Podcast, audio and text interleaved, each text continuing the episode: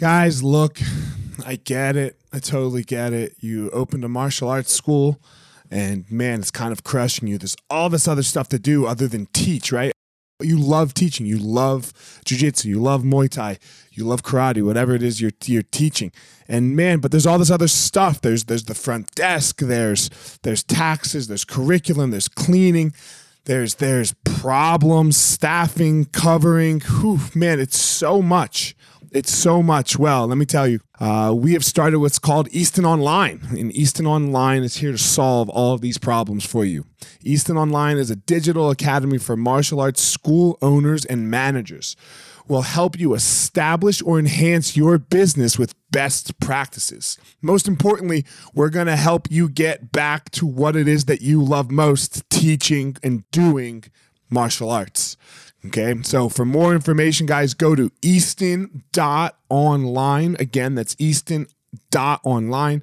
Add your email. You're going to get notified about the course launches. Our first course is going to be all about the first impression specialists, your front desk, and all kinds of stuff, special offers, promotions, as well as we started a podcast by the same name, Easton Online, that's gonna talk about our process of how how we went from a tiny little martial arts school to what is now seven martial arts schools, seven Brazilian Jiu Jitsu Muay Thai schools, um, in a very holistic way that we believe um, kept the integrity of the art and also deals with its people very well. So again, Easton dot Easton.online, enter your email and you're gonna get all you're gonna get everything you need right there. So thanks, guys.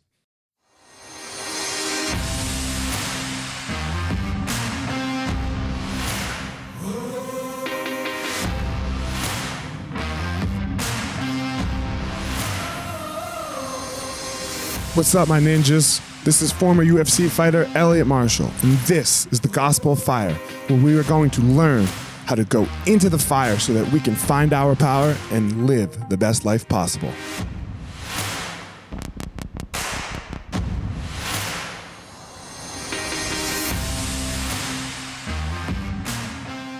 What's up, guys? This episode of the podcast, I have Chris Savarese. Chris Savarese is an OG Brazilian Jiu Jitsu black belt. Back from the 90s is when he started as an older gentleman. Um, he owns his own school now with an association with Rafael Lovato, but he has had instructors like David Adiv, Royler Gracie, and the great Renzo Gracie. Um, so he's had so much experience through the Brazilian Jiu Jitsu world and lineage, and also, man, an amazing story of overcoming uh, one of the scariest things anybody can go through a quintuple bypass surgery a couple years ago. So, um, man, a lot of lessons, a lot, lot of like facing death, right? Like very scary. So, um, without further ado, here we go. Chris Savarese. All right, here we go. What up, Sav? How you doing, man? What's up, my brother? Brother from the East Coast, Renzo Gracie Association. How are you? Doing great, man. How you doing? Uh, you know, we're Corona good right now, right? Like we were just saying. Yeah, there's a there's a level to this. yeah, yeah, man. I'm I'm missing my I'm missing everybody bad. Like it's uh, you know, it took 14 years of a routine. You know. And people, right? Like if you if you run a school, you you have some you have some version of extroversion in you, right? Like those are your people. Yeah. And like more than the jiu-jitsu, I love jiu-jitsu, but I miss my people more. Yeah, that, well, that's the thing. I have like guys that I talk to stimulate my brain. I got other people who like make me happy. Like you know, like uh, you know, everybody. I, I have people that like I like to talk with. You know. Yes. Yes. And then I like to just see. Yeah. know?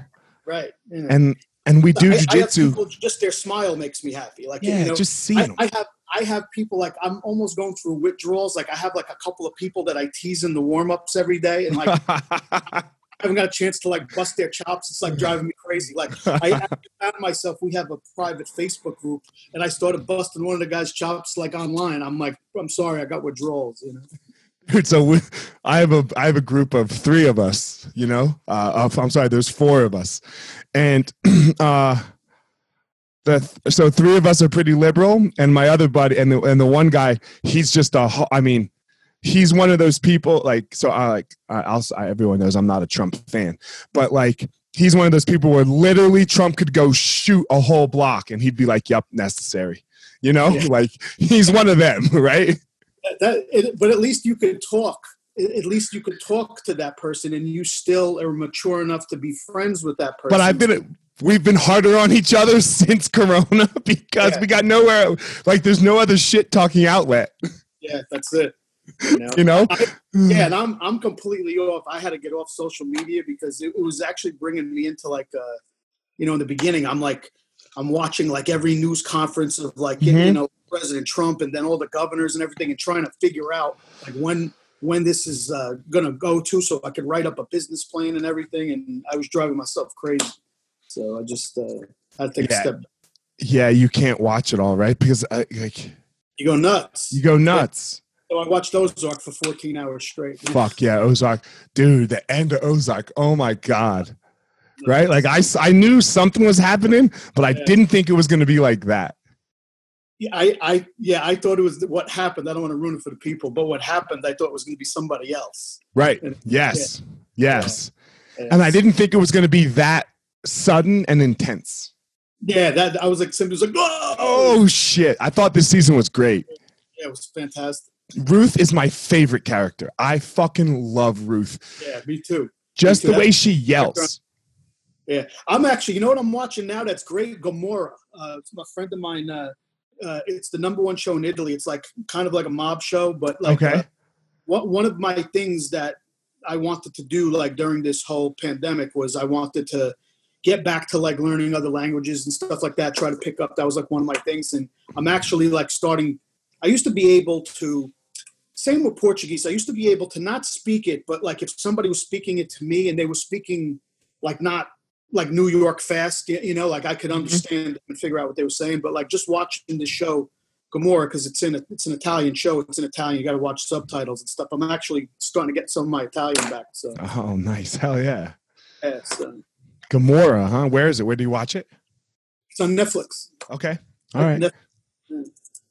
Um, so you are Renzo Gracie, Renzo Gracie Association, Renzo Gracie Black Belt, uh, like them all and us. Um, where did like you know where where did your journey start? How'd you how'd you come in contact with that? Well, I what happened was I started with uh, Royler Gracie. Okay. Oh, okay. with- My my first uh, my first jiu-jitsu instructor was uh, David Adiv, who I still Yes.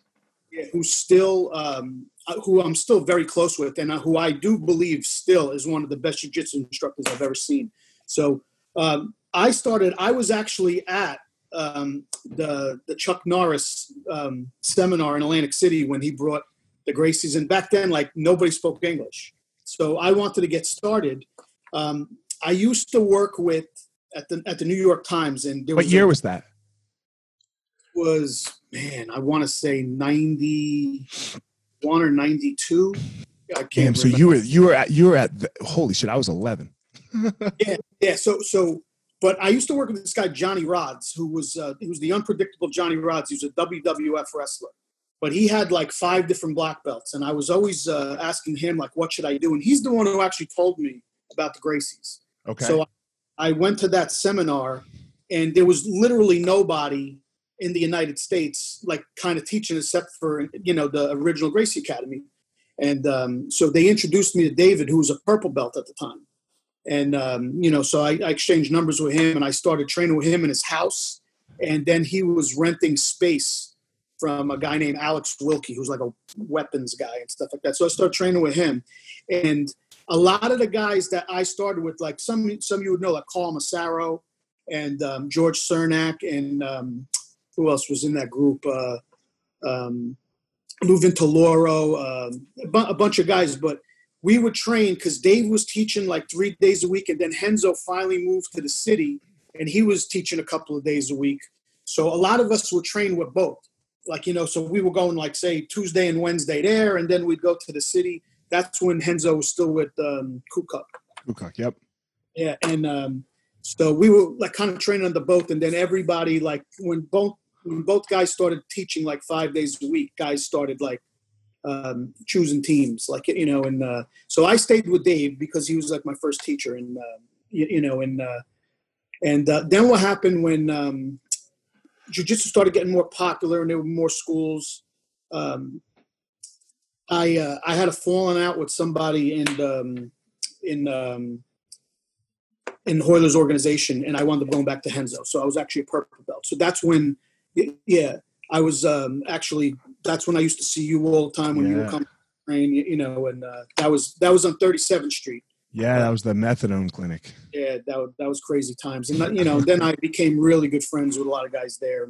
You know, my training partners and stuff. I was talking to Jamal about the methadone clinic. You know, you wanted to do jiu-jitsu when you were riding that elevator up, right?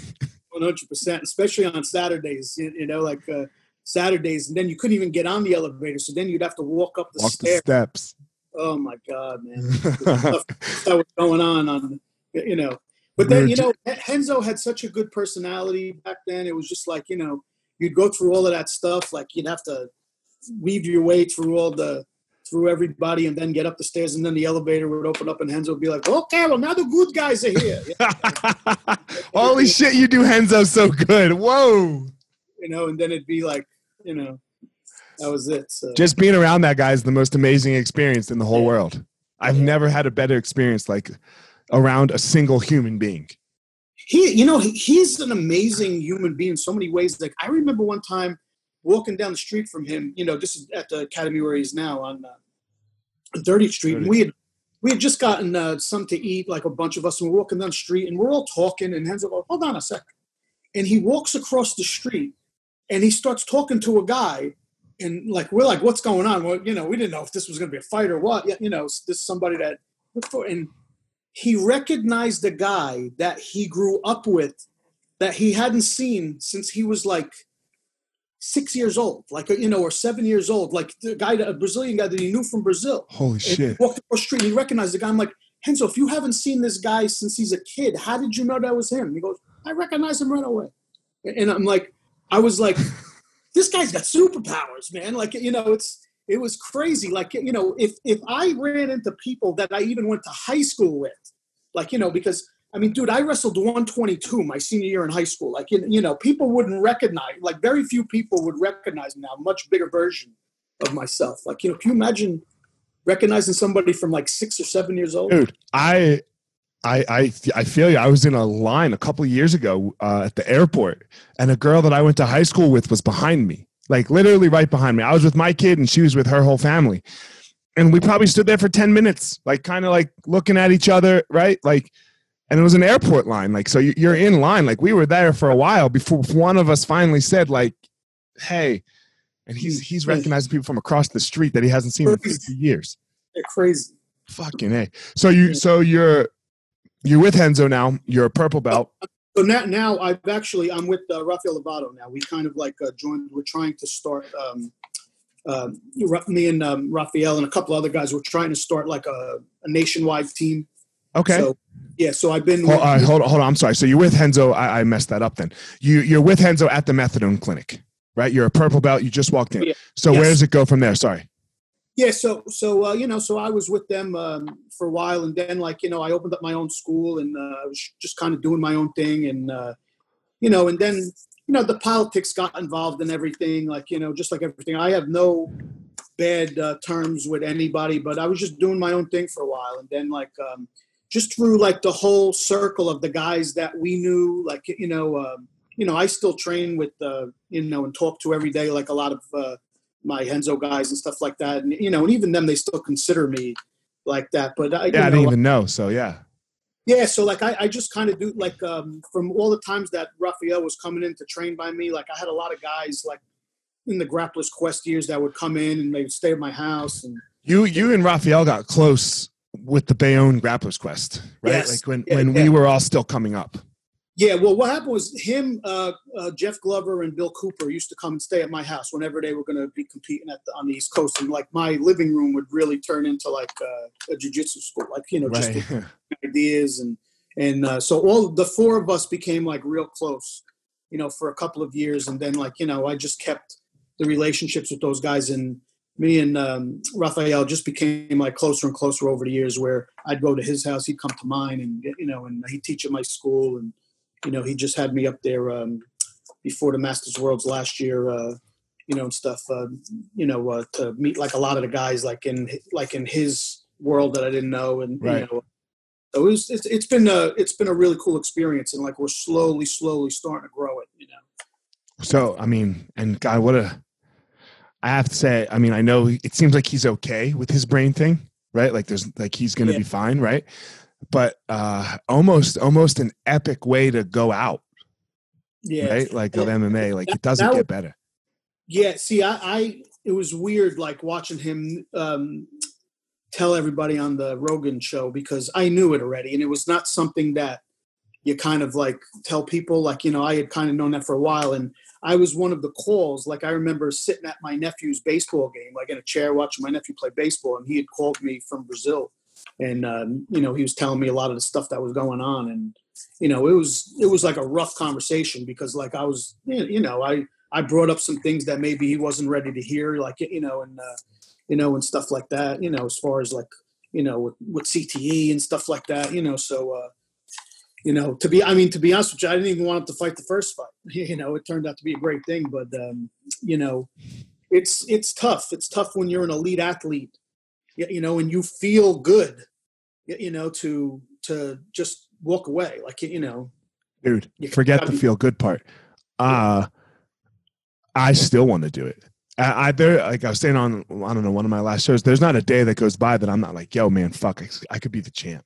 yeah, yeah. I mean, then I mean, like look- reality comes. still every once in a while you get the itch you're jumping in like you know you're watching you're, you're jumping in to fight to win or some of these other things like you know it just i don't think it ever goes away i mean i i, I still get the itch a lot too I, I mean i'm a lot older than you like i'm in my 50s now but uh and you know i have trouble i mean if i put my hand here i, I got like all nerve damage in my hand and stuff like i could barely even grip anymore you know but uh but still like you know you get that fire like you see pe- people you see people that you know, like I could beat that dude. Like, you know, like, you know, don't think it ever goes away. And when you're at that pinnacle, when you're just, you know, put yourself in his position, he's probably better now at MMA than he's ever been. Ever Like, you know- has got to stop.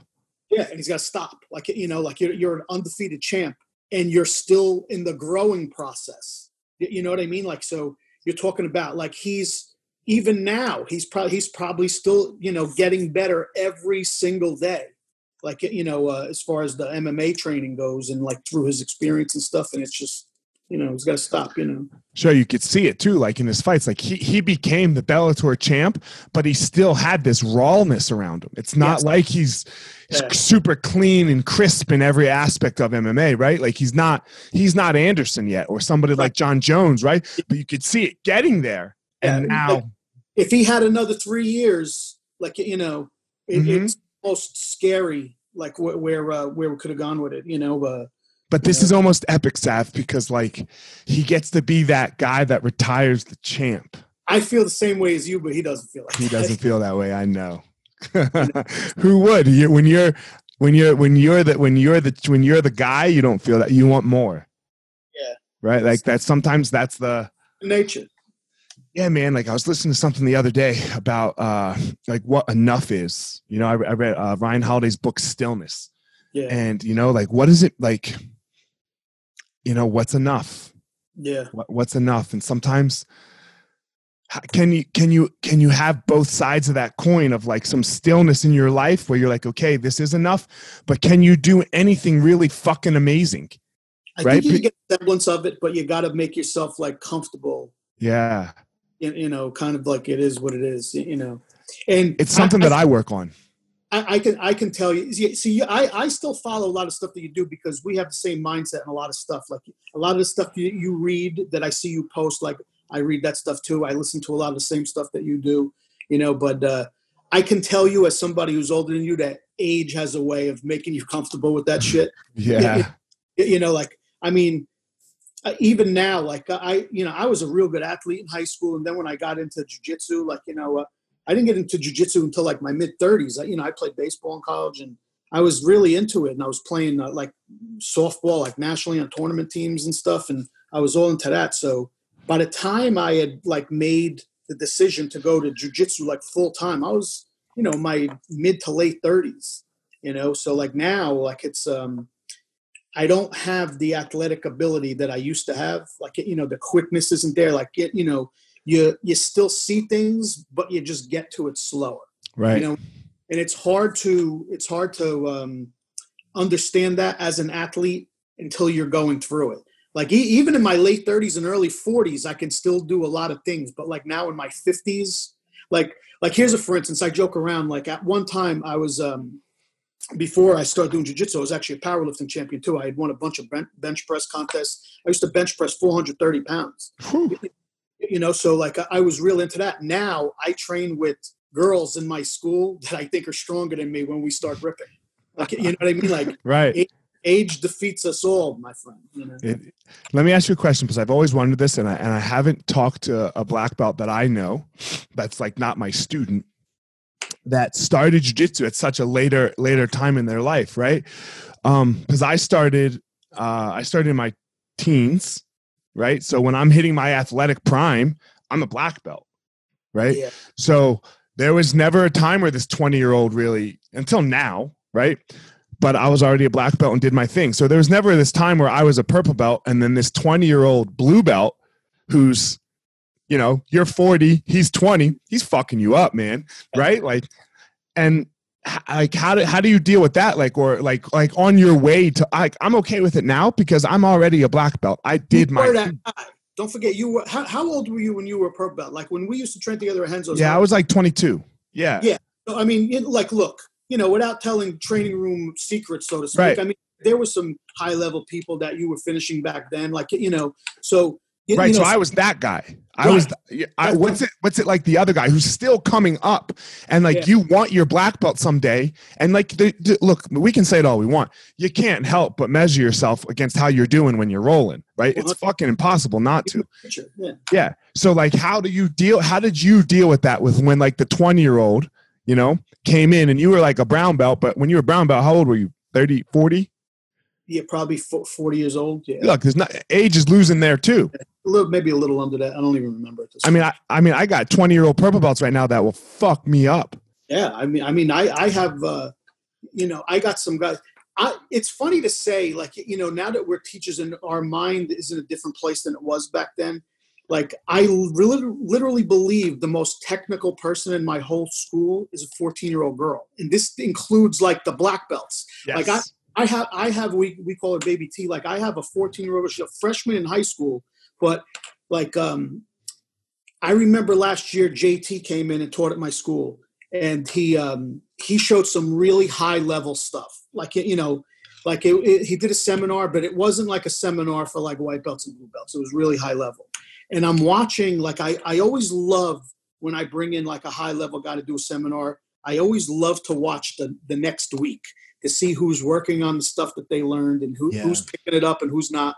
And I'm watching like three or four days later, and everybody's struggling with what he showed, and she is fucking people up with everything that he showed. Like, like I'm sitting there, like almost in amazement because some of the stuff he was showing, I'm like, man, I need to work on some of that stuff too. Like, you know, and and she's like, bang, like you know, like tapping out like female brown belts and black belts you know, in like men, like men, purple mm-hmm. belt men. She's like tapping out with the stuff that he showed like three days before, like almost mastered it.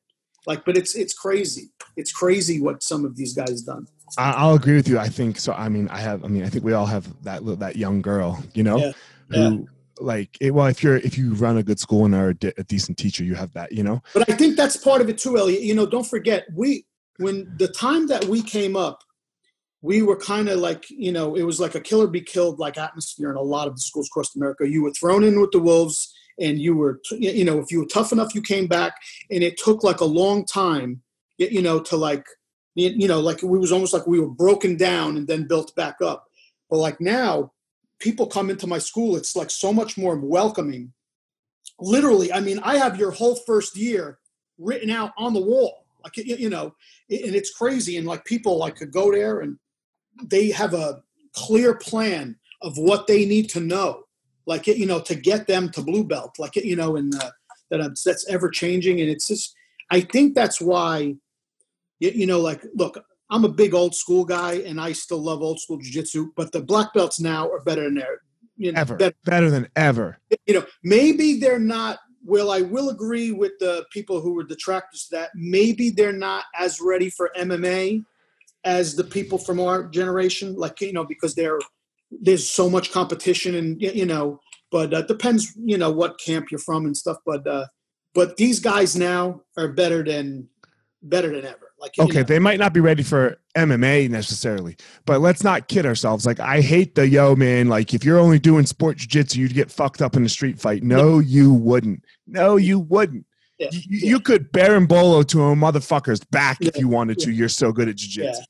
I mean, I mean, any any I anybody who's a blue belt in jiu-jitsu, I I and I have proof of it. I've had some guys in my school who are just unathletic, like out of shape, like blue belts. Uh, like literally two had problems at work, and I'd say the last three years, and like how to defend themselves, like at work, and like you, you know, th- like this one guy who came to me and thanked me, I would have been like, I would have never thought in a million years like this this dude would be able to like handle himself and protect himself and he did like Did you have students that quit that can do it? Yeah. Right?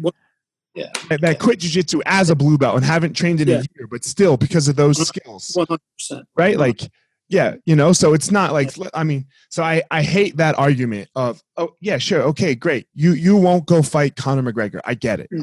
Yeah. But you who, who can? who There's can? what 10, 10 people his weight in the world that would have a shot right so fuck off.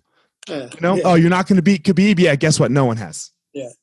Yeah know? I, I go through this a lot with um, with friends who don't train and like uh, I have some other friends too who always try to bring me into these arguments and stuff like it used to be the big thing when like Ronda was beating people you know and they're like uh, you know like so guys like she wouldn't beat me. I'm like Ronda will fuck you up. Like you have no idea. Like if like listen anybody could land a punch in like the right spot and knock anybody out and that includes men. But if she if you clinch like I've seen her launch men who train.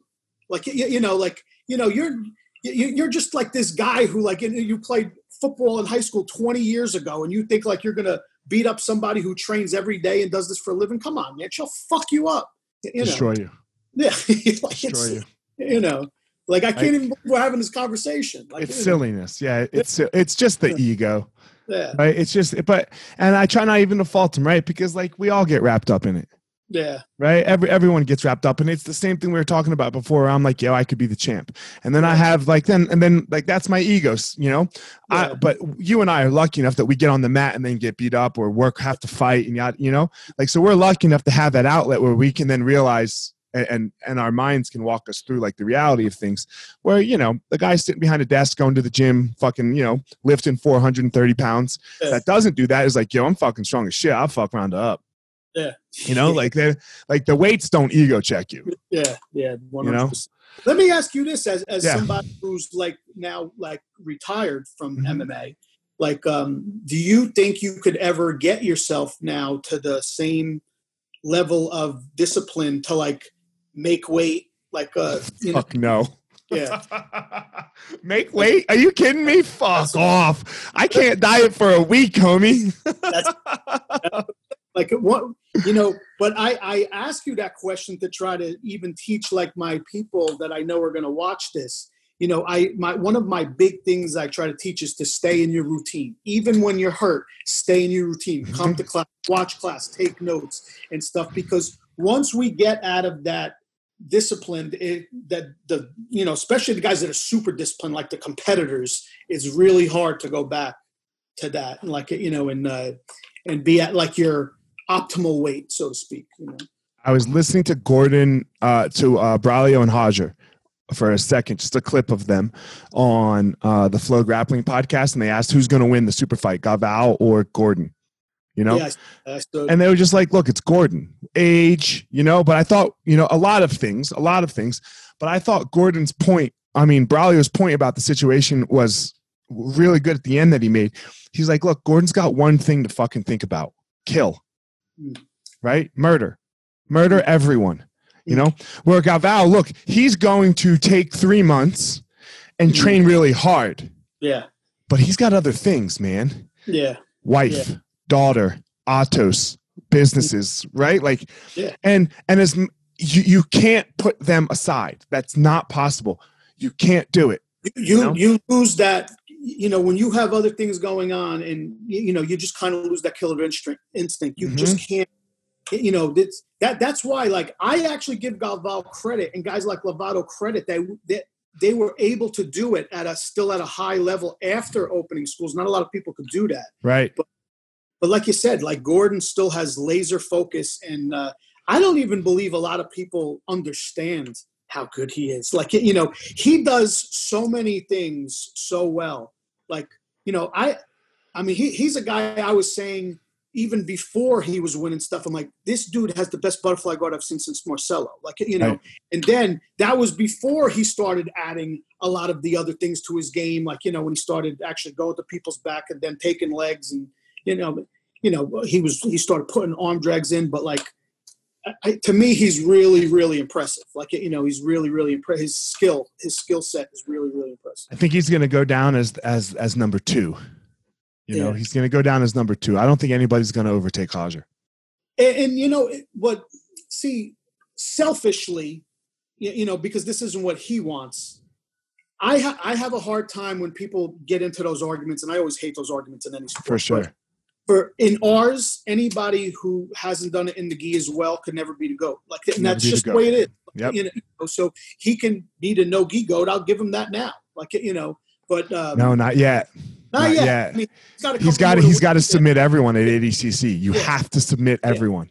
Like Roger did in California. Like Roger did in California. Yeah. Yeah, but but but um, you, you know, like for for me, like you know, especially when we're out there and we're teaching people, you got to get comfortable being uncomfortable, and like you know, that one of the things I hate about the competition scene now is I think there's too much stuff out there, and I think what happens is a lot of guys. There, there's too many different rule sets out there. And yes. I think what's happening now is guys are only fighting in the rule sets that benefit them. You know what I mean? So like you know, like so what it's it's going to be. All right, I'm only fighting no gi. I'm only fighting um, no time limit. I'm only you know, I'm only doing that. Bro, I'm an old man. That's all I'm doing. I haven't won a points match in 20 years. You know, and then you got the, on the flip side, so that so those guys don't think I'm just being hard on them. Then you right. got like, you know, the gi dudes that are only going to fight IBJJF eight minutes, like, you right. know, where they could stall and win by mm-hmm. advantage, you know, so they're choosing to do that. So when I see the guys that are doing it all, those are the guys I like. Those are, I agree. I agree. Yeah. Those, those are the goats, yes. right? Like yeah. Buchecha. Yeah. Right, you know, yeah. like the Buchechas, uh, the JT Torreses, right? The the Lovatos, you know, like yeah, you you have to you have to you know the the Felipe Penas, right? Mm-hmm. You have to be on the podium of if you want to yeah. be the goat, right. you know. And I don't like to separate gi and no gi. It, we're just talking about it all. Yeah. Right. Yeah. Like I don't like we're talking about jujitsu. To me, it's the same. You're gonna take everyone's resume and you're gonna put it up at the end and say that dude's the goat. And it, like at this gonna, point, at this point, it's actually two different sports if you think about it. Like for you sure. Know, when you start talking about a lot of the leg reaping rules that are in the gi and stuff like that, and you know, and the, the control of the of the collar as opposed to the head and, and stuff like that, and all the underneath stuff now, the Ashigarami stuff that's going on now, and the you know the the stuff that's been added to the 50-50 position over like the last five years. It's literally if you watch them, it's two different things. You're like, gonna. the IBJJF is going to have to get on board with no gi though and allow reaping. They're going to have yeah. to. I, I just think at the you know, it's funny. I've had this conversation with a lot of people, and I, you know, uh, and there have been people that have changed my thoughts on it. Like I remember having this conversation with Jared Weiner once, and uh, I, I'm on the side that you're on. I think at black belt everything should be allowed, but like you know, when you hear from gi competitors and stuff like that, he he brought up some points to me that like. Oh, I don't think it should be allowed in the gi. Yeah. I don't think reaping should be allowed in the gi because you get stuck and then you yeah, like you. But in there, no gi defend. Yeah. yeah, no gi for sure. Yeah. Yeah, 100%. like in the gi, you can you can do all of the defenses right, and then like the the pants, there's just too much friction, and then people are going to get hurt. I can I can totally understand the gi, but yeah. no gi, yeah. no way. Yeah, and and I, I think you'll start to see a lot more people float into it too. Like you know what I mean. So just won't be about no gi about the ADCC, and that's you know, and it sucks because every two years. Remember when we came up, it was every year. Now it's every two. Two. You know, yeah. in the nineties, in the 90s it was every year every year right yeah. And then in I, 01 then it went 01 03 03 right. right but i remember there was a period with Royler had won the the world championship at his weight because he had he had gotten beaten the absolute. But at his weight and at ADCC, there was a period I think of four years. I don't want to disrep- where he didn't lose a match and didn't get scored on. Yeah. like it like over over four years in gi and no gi. That's ADCC, ama- yeah, yeah, it's craziness. you know. Yeah, but that's so- the best grappler, yeah, right? Right. Those are the best grapplers. yeah. Roger, Roger. Roger's Would the best. There's, there's no there's no argument here. And uh, like the only argument was Buchecha, and then we and then that got solved. Yeah, after after not competing for a couple of years, Right. And then, That got solved. That got solved. Like there's Yeah. he can't God, and I love Buchecha. He's the fucking man. He's the nicest guy, right? He's such a good ambassador, but there's nothing he's going to be able to do to overtake Roger. yeah, yeah. Even even if they rematched, It won't matter. It wouldn't matter because it was almost like I compare it to when Sugar Ray Leonard took off four years and then came back and beat Hagler. Right. You know, it, it was kind of like almost the same thing, but it was just much more definitive. You, you know, you could argue that Hagler might have won that fight. Right. Roger came in after not competing for how many years and then finished him. Right, and Roger's older, right? So, like, as far as their abilities, it's going Yeah. this way. So, Yes. yeah, at some point, fucking Bushesh is going to just mop the floor with him because Bushesh is 15 years younger. Yeah. You know. Yeah. So, um, back to you a little bit, Seth. So you had a massive interruption of like not just your jujitsu training, not your academy, but your whole life, right? Yeah. Um, you had a massive heart condition, right? Like Yeah. what?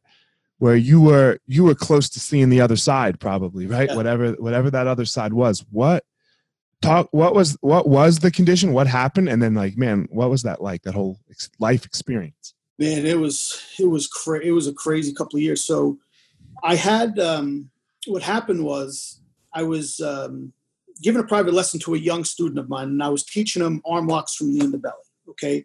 And he kind of lost his balance and he really really jacked up my arm and i had bone chips floating around in my elbow. So i went to have surgery for my elbow and because i because i'm diabetic i have to go through all kinds of uh, tests just to get cleared for surgery. So, Okay.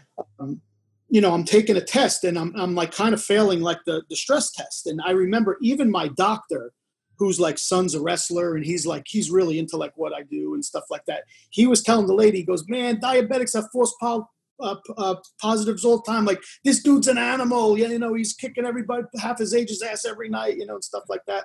So this, this woman, actually like was really um, you know she wanted more testing done. So the next day i had to go for a cardiocatogram and they found out that i had i was 90% occluded which means that i literally had probably about two months to live. Like they said in um, anywhere i was i could have been walking in the supermarket and i just would have had a massive heart attack and dropped dead right there.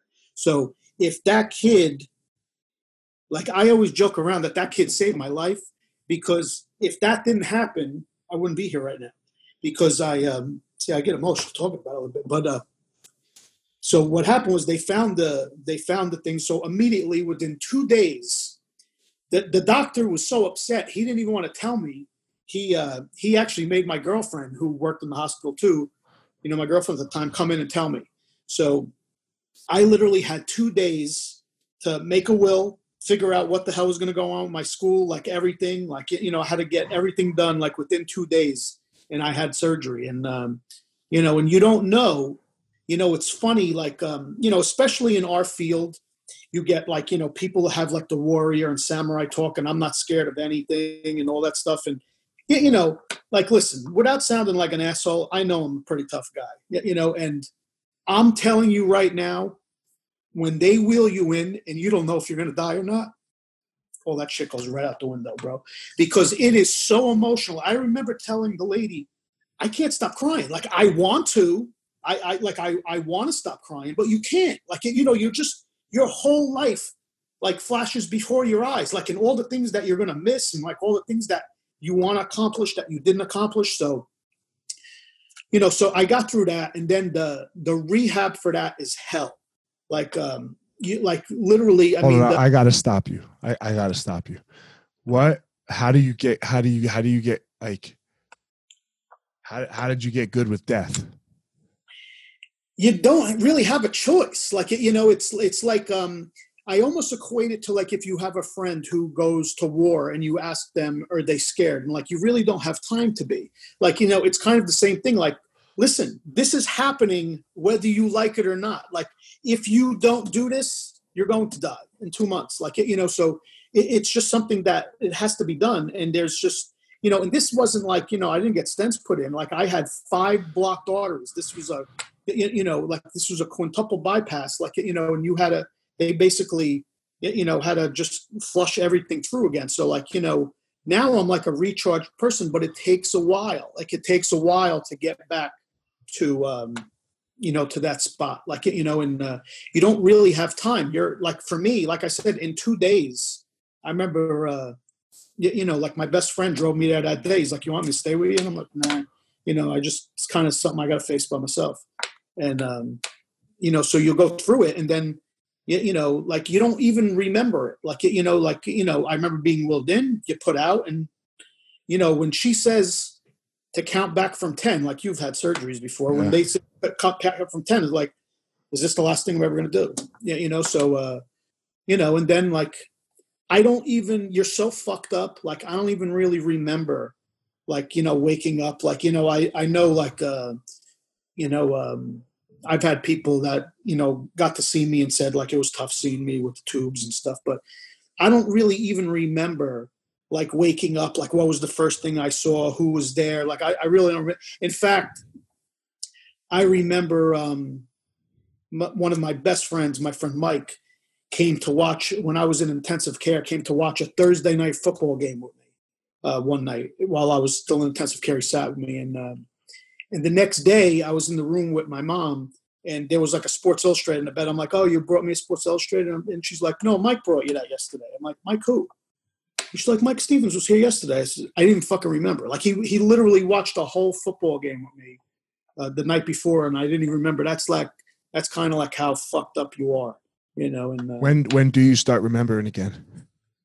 Well, you know, when I when, like um, I, I started to remember stuff when I was in intensive care because there's just everyday things that you um, take for granted that you can't even do, like get up, like go to the bathroom by yourself, like you know, like little like you can't even walk, like you're like right. a baby. You have to learn how to walk. Like I remember, I had a like once that you started at once a day, like you had to walk down the hallway and then walk back, and you know, and then when you could do that three times, it's like, oh man, I'm making progress. Like you know what I mean? And like then your I, heart could handle it. You're saying? Yes, yeah, and then like then they move you to steps. You know what I mean? So they actually bring you to steps with like three different people, God forbid you fall, like, you know, so you're slowly walking up five steps, like down five steps, you know, and it's, uh, you know, that's like the beginning of rehab. But, but I could tell you what I do remember is when I was back in my room, you can't get comfortable anywhere. So I literally didn't sleep for like two and a half weeks.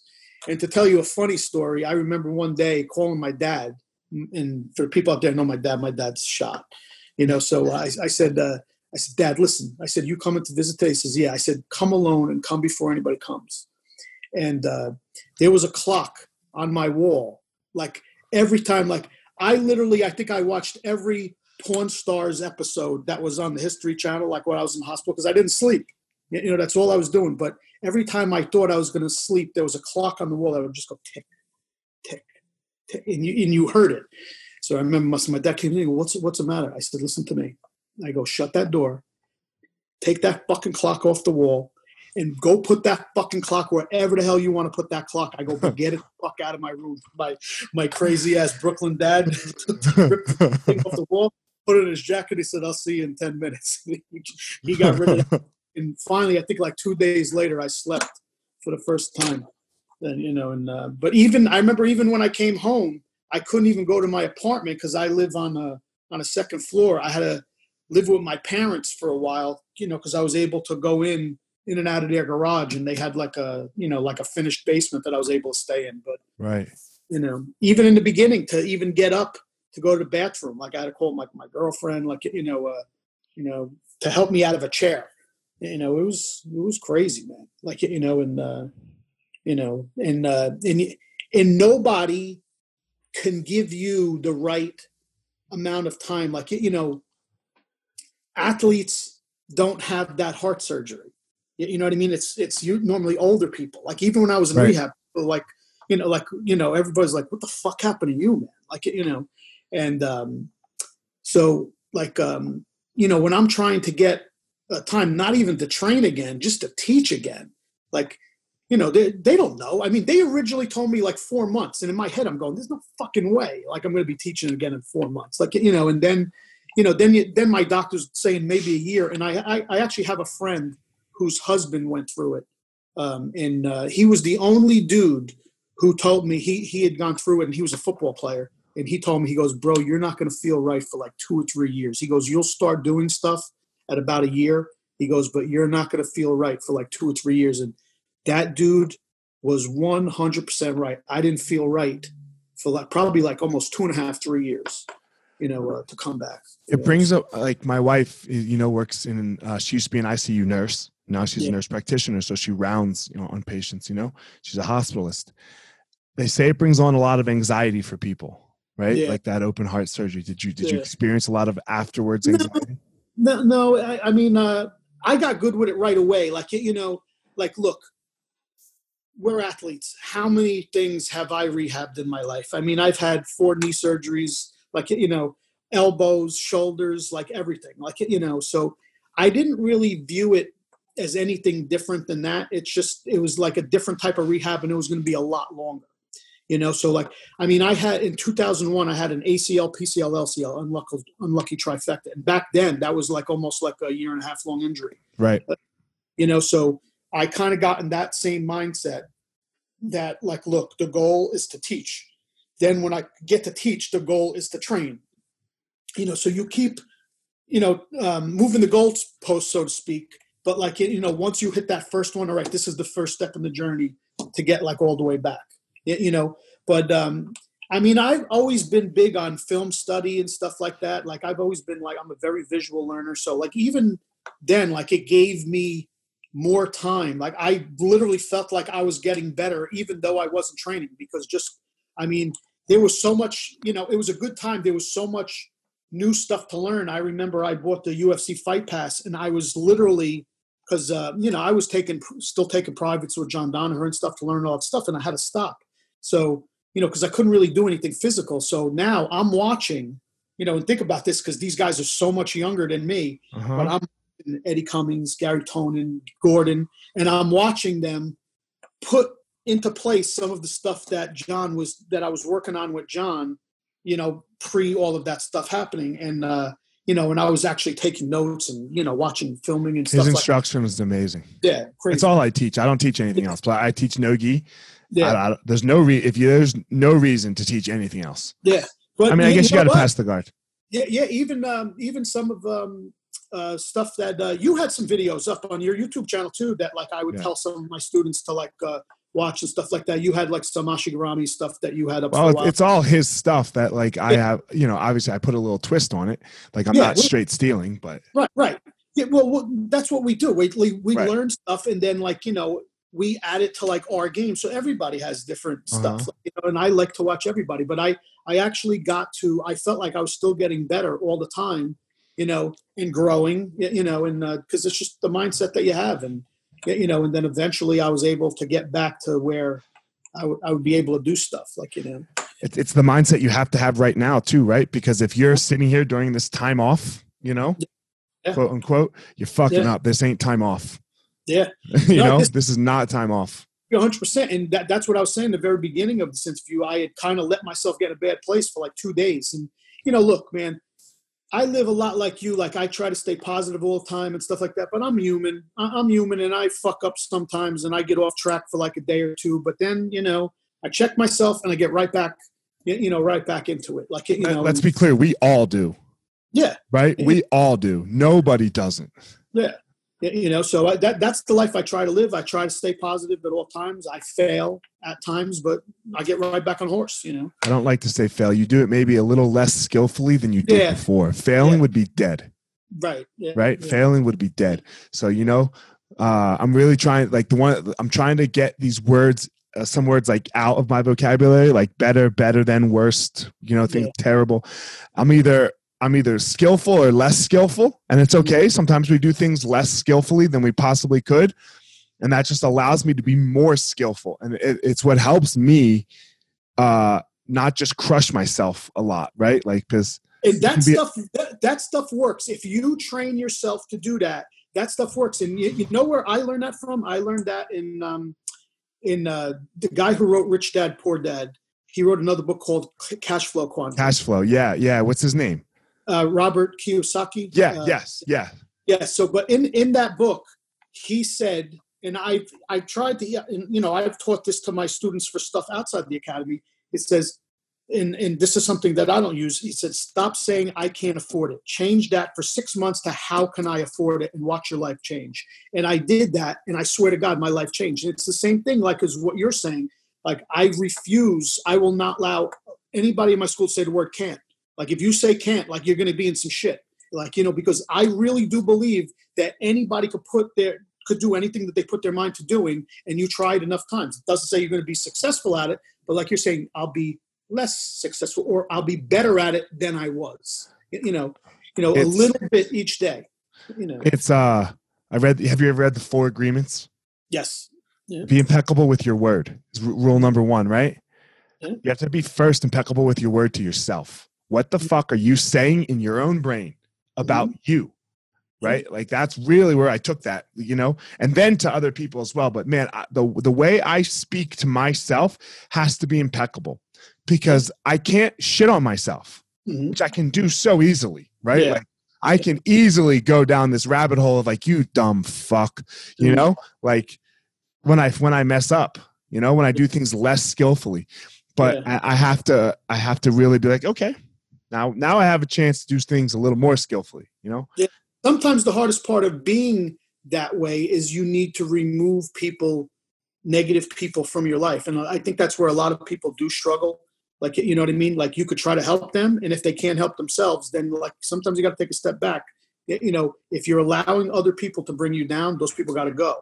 Like you know and then if they start to straighten themselves out you know then maybe you give them another chance. But like if they're in a place where they're so far gone that they're bringing you down sometimes you got to take a step back and that's really hard for people to do That can be hard for sure. That Yeah. can be really hard. yeah especially when it's family like family it's a different story but like you know but like if you got like people that are in your life that are making your life worse i mean it's it should be simple you know say you know this person's not making my life any better it's making it worse they gotta go like you know You have to you have to definitely put boundaries up.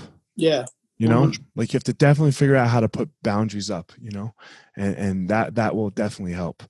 Um all right man. Well i really appreciate it sav. I appreciate you coming on you know? Yeah. Mm. know, this, this was fun man. Uh, you know it's a you know i you know i spent uh, i was so happy to run into you uh what i run? I- worlds. Worlds yes. A couple I years was, ago. Was it an mma fight? Because i remember i was sitting and you were walking down yeah. I, at the worlds and i hadn't seen you in like 10 years. I'm like elliot like you know. Yeah you know because i always enjoyed training you when you came out and like i remember i always used to tell you like you know because at Renzo's there was some killers there like listen watch that guy watch this guy you know. You you're always good to me man you know? Yeah. you're always good to me in, at Renzo's and i appreciate it you know like yeah, it, like you said it was a killer be killed day an era of jiu-jitsu. Yeah. And and and and even though Renzo wasn't like that, like Renzo always made everyone feel welcome, you know. But like you had you had to earn your chops in the room, you, you know, and uh, you you you helped me earn mine, so I appreciate. thank, thank you brother Yeah, man. So it i i this is one of the few podcasts that i actually watch oh, uh, thanks, man. I don't watch all. I don't watch all Yeah. of them. You know, you have on some guests that are like I, you know, the Jamal one. You had a Carter one. Like you had a Raphael one. Um, like you know, so this actually is a podcast. So when you messaged me yesterday, said, "Hey, you want to come on?" I was like, "Yeah, man, that'd be cool. I like that. That's one of the ones that I watch and I like." So keep man, up I appreciate it. I just try to spread a positive message, man. Right? Like, Yeah, you, you know, and, and for my students that are going to watch this, man, you got to follow Elliot. He's, you know, we have a lot of the same thoughts. You know, he posts, and, you know, he has good content. He's putting out there every day, man. So, I, I it- appreciate it. I I follow you too, brother. I, I appreciate it, Seth. Thank you. Man, I don't know what happened to my Instagram the other day. Like I, I was going through it when I went to message you and it said that I wasn't following you. And I was like, wait a minute. No, man, I saw that IROC Z. Two I saw, what's that? I have two accounts. That's No, no, it was you. Because then I was looking through and then all of a sudden it said I wasn't following Renzo and I wasn't following Lovato anymore. I was like, yo, what the fuck? You know, like, and I know I like, I know I, I know who I follow, right? Like, because I try not to follow too much. Right. so- yeah. I don't know what happened. Instagram. Thanks for Anyway, having me on. brother. This was Yeah, man. fun. Tell everyone where they can reach you if they want to. You know, uh, I, I'm sure your story about your heart, you know, and, and going through that that might be inspirational to some people. So tell everyone where they can find you on the gram or wherever. Yeah, I'm I'm, uh, I'm Chris Savarese, uh, Savarese BJJ on, on Instagram. You can follow me on Facebook. Anybody in New Jersey wants to train, okay, I'm in uh, Lyndhurst, New Jersey, 40 Park Ave. You know, you could just hit me up anytime, and uh, everybody's welcome in my school. Anybody from out of state floating in for, you know, uh, I'm 10 minutes away from New York City, so anybody who wants to train is always more than welcome. And I got to come see you too, brother, soon. My man, anytime, Sav. Anytime. Thanks for coming on, guys. Thanks. As always, it's your power. Go find your power. Everyone has it. No one, no one doesn't have a unique power that is for them and that they can take out into the world and maximize and be amazing. So go out there and find your power, everybody. All right, everyone. Thanks for listening to this episode of The Gospel of Fire. If you enjoyed the episode, I'd love a review on iTunes or wherever you are listening to this podcast. Don't forget to follow me on social media at FireMarshal205. If you are a BJJ enthusiast, check out my YouTube channel. I put all kinds of instructional DVD uh, videos out on there, so go check it out. My book is still out on Amazon by the same name as the podcast, The- The Gospel of Fire. So if you are interested, go check out that. And most importantly, guys, go out there every day, find your power. Thanks a lot.